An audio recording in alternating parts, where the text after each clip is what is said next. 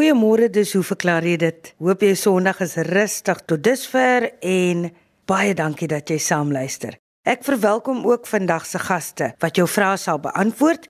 Aan die woord vandag is die dierkundige emeritus professor Lefras Mouton, verbonde aan die departement plant en dierkunde aan die Universiteit van Stellenbosch, so ook aan professor Hendrik Geier, 'n teoretiese fisikus verbonde aan die Stellenbosch Instituut vir gevorderde navorsing. Lefras het 'n brief ontvang van Jurgens Martens van Pretoria en hy skryf as volg: Hy sê ek lees in beeld van 8 Maart van mantas wat aan die Oos-Kaapse kus gevrek en uitgespoel het. Een was dragtig aan 'n kalf.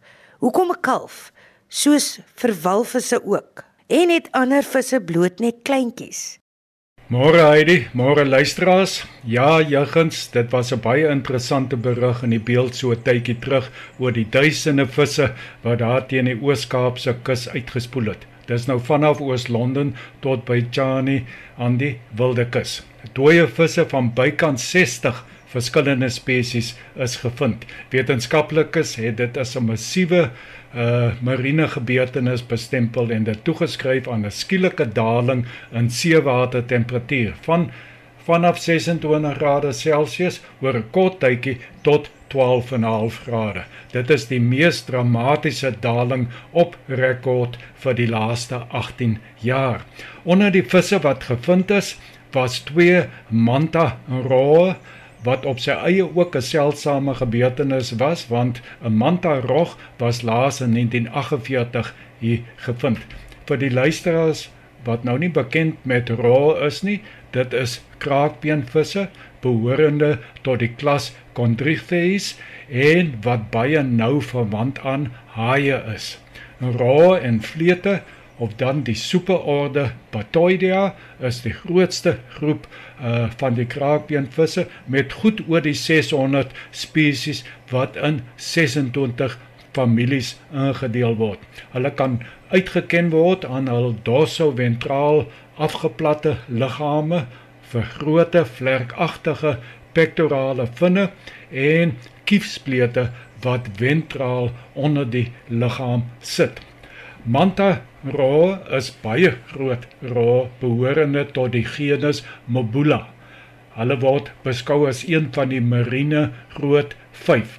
Hulle het breë koppe, driehoekige pektorale vinne of borsvinne dan en uh ook horingvormige kefaliese vinne aan weerskante van die mond. Soos ander lede van die Batoidea het hulle horisontaal afgeplatte liggame met die oë aan die kant van die kop net agter die kefaliese vinne. Hulle sterte het geen skeletondersteuning nie en is korter as hul skyvormige liggame. Die dorsale vinne is baie klein en by die basis van die stert geleë.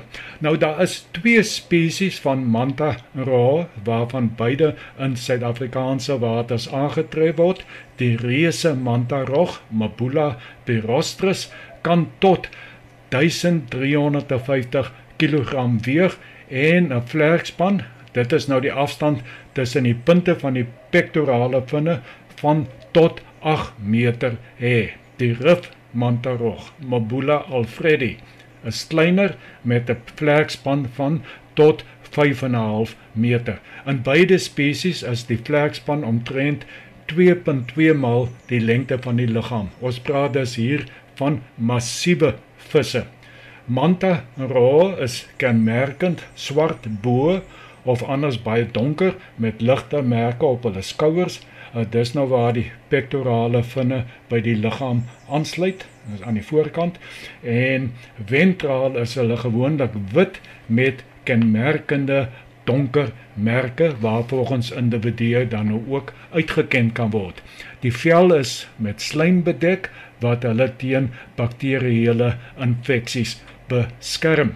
Mantas beweeg deur die water met behulp van vlerkagtige bewegings van hierdie massiewe eh, pektorale vinne.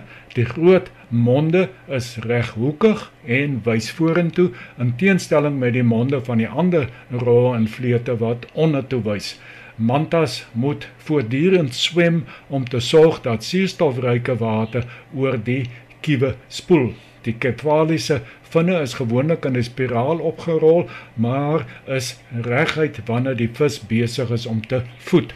Mantas het een van die hoogste brein tot liggaamsmassa verhoudings en die grootste brein van alle visse. Hulle is hoogs sosiaal en kan in groepe van tot 50 individue bymekaar kom in 'n uh, spesifieke voedingsareas. Hulle is filtreervoeders sowel as makropredatore. By die wateroppervlak eet hulle groot hoeveelhede zooplankton in die vorm van garnale, krill, krill is nou uh plankton kreefies en dan ook planktoniese uh krappies. By diepe dieptes eet hulle klein tot medium grootte visse wat in uh swerms uh, swem. Wanneer hulle voed, swem hulle rondom die prooi en forceer dan nou hierdie diere in 'n digte konsentrasie of 'n bal voordat dit dan nou baie vinnig uh met 'n oop mond deur hierdie bal swem en dan nou die die prooi inneem. Mantas kom voor in die tropiese en subtropiese waters van al die wêreld se belangrikste oseane en waag dit ook in meer gematigde waters. Hulle is hoogs migrerend, maar besoek spesifieke lokaliteite op verskillende tye van die jaar afhangende van seestrome en voedselbeskikbaarheid by die lokaliteite. Beide spesies is pelagies, maar M. birostris lewe meer in die oop oseaan en M. alfredi nader aan die kus. Kom ons gesels nou 'n bietjie oor hul voortplanting. Na paring en inwendige bevrugting ontwikkel die eiers in die wyfie se oviduk. Aanvanklik is hulle omsluit in 'n houer terwyl die ontwikkelende embrio's dan nou die dooier absorbeer. Baie interessant, nadat die eiers uitgebroei het, bly die kleintjies in die oviduk en ontvang hulle nou verdere voedsel in die vorm van 'n melkagtige sekresies deur die ma. Sonder 'n naalstring of 'n plasenta moet die ongebore kleintjie op 'n bukale pompaksie. Bukale verwys nou na 'n mond pompaksie. Hulle moet daarop staat maak om suurstof te verkry. Broeiselgrootte is gewoonlik 1, maar soms 2 kleintjies. Die draagperiode word gereken uh, op van 12 tot 13 maande, so is relatief lank.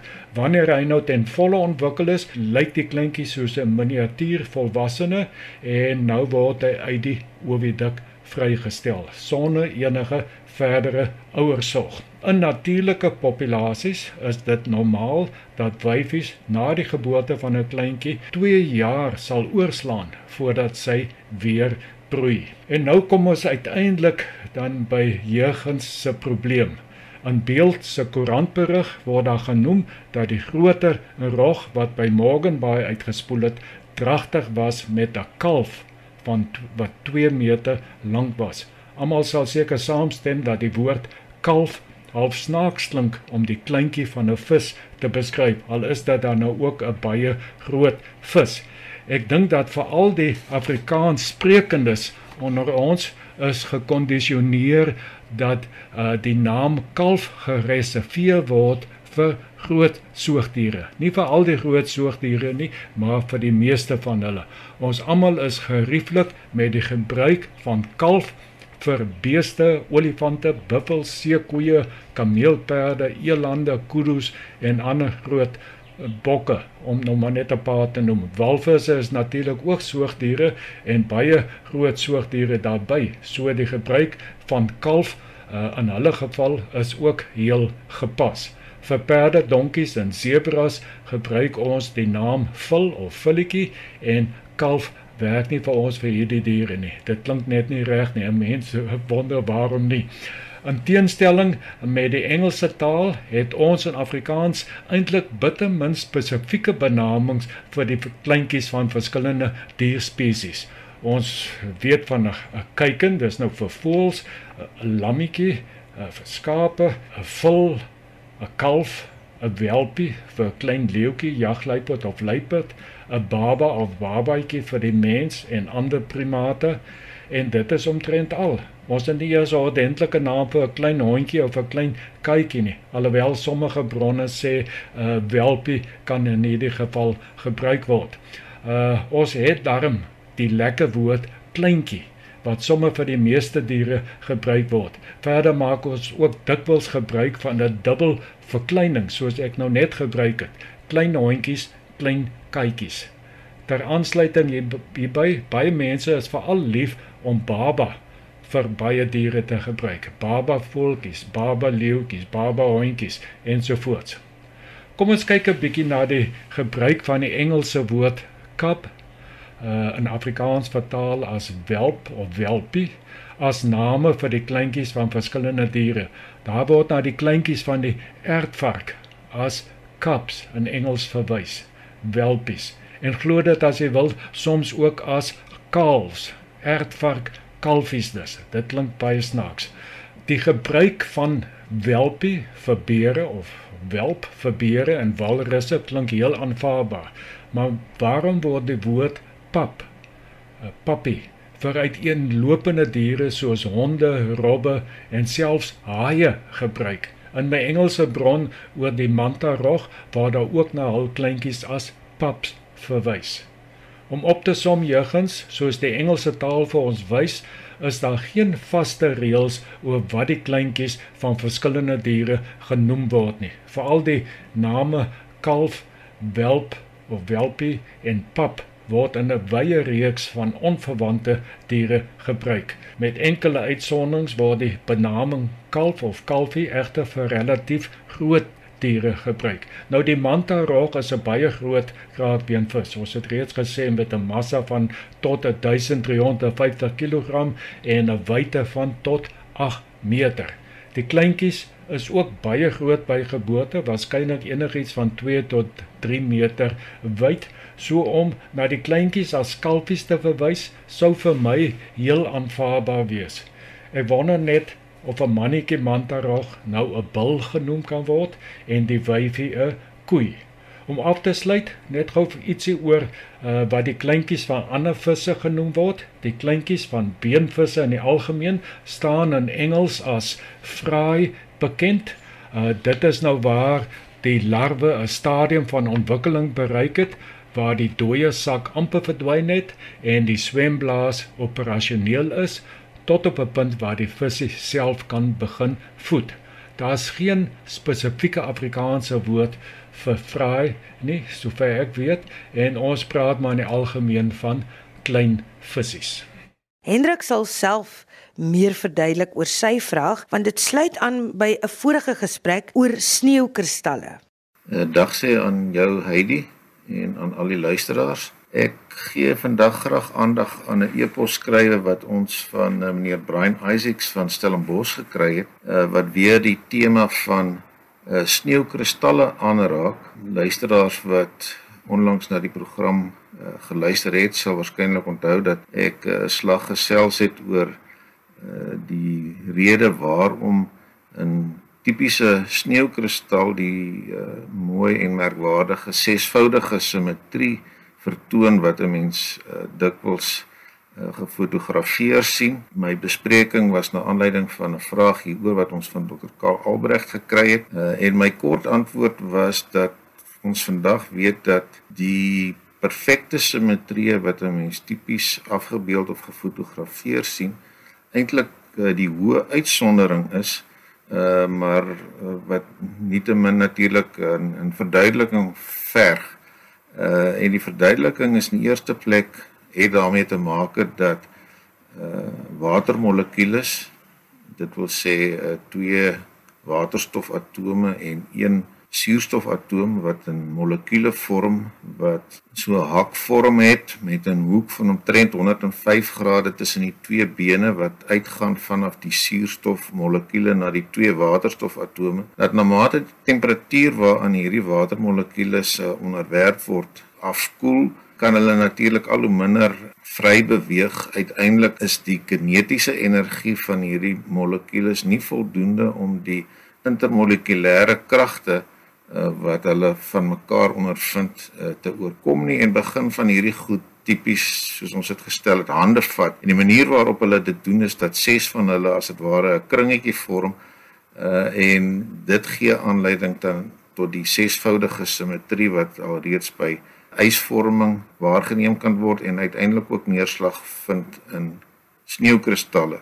Nou Dr. Albrecht het meer spesifiek verwys na die fyn gedetailleerde struktuur wat 'n mens in elk van hierdie ses bene uh, raak sien en wat uh, merkwaardig uh, identiese eienskappe wys uh, tot in die fynste besonderhede. Nou die rede waarom dit so is het uiteindelik te maak met die mate waartoe 'n spesifieke yskristal aan omgewingsfaktore onderwerp word wat identies ervaar word by die 6 kom ons noem dit maar hoekpunte van so 'n kristal. So by elkeen van hierdie 6 hoekpunte vind daar verdere groei van die yskristal plaas en die mate waartoe hierdie groei vorm identies is by elkeen van die van die hoekpunte het uiteindelik te maak daarmee dat uh, die omstandighede by elke hoekpunt identies ervaar moet word. En omstandighede beteken nou die die presiese temperatuur, uh die presiese humiditeit en ander omgewingsfaktore wat inspel. So dit is inderdaad so dat dit nie moontlik is om vir 'n gegeewe stel temperature of vir 'n gegeewe temperatuur en 'n gegeewe vochtigheidsgraad presies te voorspel hoe so 'n sneeukristal gaan vorm nie, maar uh dat dit uiteindelik baie delikaat daarvan afhang. Dit is definitief so. Daar is natuurlik ook talle voorbeelde waar jy die sesvoudige simmetrie wel waarneem, maar waar die uh, groei by elke been nie presies identies aan elke ander been was nie. Hoe ook al, uh, meneer Isaacs het geskrywe en my daarop gewys dat ek eintlik wel hy dit nou nie so gestel nie, maar ek lees dit sodat ek 'n geleentheid verby laat gaan het om ook 'n bietjie uit te brei op 'n uh, wiskundige konstruksie wat die naam van 'n sneeuvlokkie het en gekry het, meer spesifiek die sogenaamde Koch sneeuvlokkie. Nou Koch, uh meer spesifiek Niels Helge van Koch was 'n Sweedse wiskundige uh, wat by geleentheid 'n baie eenvoudige konstruksie gemaak en bestudeer het. En die konstruksie begin deur 'n gelyksydige driehoek te teken. Dan deel jy elkeen van die drie bene in 3 jy verwyder die middelste been en in die plek daarvan trek jy weer die twee sye van 'n ander uh, gelyksydige driehoek. So op elkeen van die oorspronklike sye sit daar nou 'n puntjie en die ses puntjies wat jy nou bygesit het, uh, is identies en elkeen van hulle het sye wat 1/3 van die oorspronklike sy lengte was. Nou hierdie proses het Koch hom voorgestel en bestudeer kan 'n mens herhaal. Met ander woorde, in 'n volgende stap kan jy weer op elkeen van hierdie sye die middelste derde verwyder, twee nuwe bene van 'n gelyksydige driehoekie daarop konstrueer en so konstrueer jy dan nou uiteindelik iets wat in die in die tweede stap tipies soos 'n Dawidster lyk en daarna al hoe meer punterig uh op sy omtrek raak. En 'n mens kan vra wat sou nou die lengte wees van hierdie vlokkie want dit begin al hoe meer soos 'n sneeuvlokkie lyk like, na mate jy hierdie proses al hoe verder herhaal. En 'n mens kan dit gaan uitwerk want by elke stap word die aantal sye met 4 vermenigvuldig. So as jy met 3 begin, het jy na die eerste stap 3 maal 4, na die tweede stap 3 maal 4 maal 4 en so voort sye. En as 'n mens nou verder onthou of net insien dat die sy lengte telkens met 'n faktor 3 afneem, dan beteken dit dat na n stappe het 'n sy 'n tipies 'n lengte van die oorspronklike sy kom ons sê maar dit was 'n eenheidslengte, dan is dit 1 gedeel deur 3 tot die mag n, terwyl die aantal sye het ons nou pas gesê neem toe soos 3 maal 4 tot die mag n. So as 'n mens nou die omtrek gaan uitwerk met ander woorde jy vermenigvuldig die aantal sye met elkeen se sy lengte sit jy met 'n syfer van 3 maal 4 tot die mag n gedeel deur 3 tot die mag n oftewel 3 maal 4 op 3 tot die mag n. En omdat 4 op 3 1,33 herhalend groter as 1 is as 'n mens dit telkens met homself vermenigvuldig kry jy uiteindelik iets wat na oneindig strewe. So die omtrek van so 'n vlokkie wat op hierdie manier gekonstrueer is en as jy hierdie proses oneindig keer herhaal, daardie omtrek strewe na oneindig Nou mense kan natuurlik ook die oppervlak van hierdie konstruksie gaan bereken en dis van die begin af duidelik dat dit 'n eindige oppervlak moet wees. 'n Mens kan jouself net voorstel dat jy vanaf die swaartepunt, dit wil sê die punt binne die driehoek wat ewe ver van die drie hoekpunte af is, as jy 'n sirkel konstrueer wat deur die drie hoekpunte gaan met daardie swaartepunt as middelpunt, dan is dit duidelik dat hierdie vlokkie nooit buite die omtrek van daardie sirkel sal groei nie. Met ander woorde, die sirkel is of sy oppervlak verteenwoordig 'n boogrens uh, van wat uiteindelik die oppervlak van hierdie vlokkie is. En as 'n mens nou die wiskunde daarvan gaan doen, uh, dan vind jy uit dat die oppervlak uh, van hierdie sneeuvlokkie 8/5 dis van die oorspronklike oppervlak is. Dit wil sê die oorspronklike oppervlak van die gelyksydige driehoek. Ehm um, dis nie moeilik om dit uit te werk nie. As ons weer eens 'n een eenheid sy lengte vat, is die oppervlak wortel 3 op 4.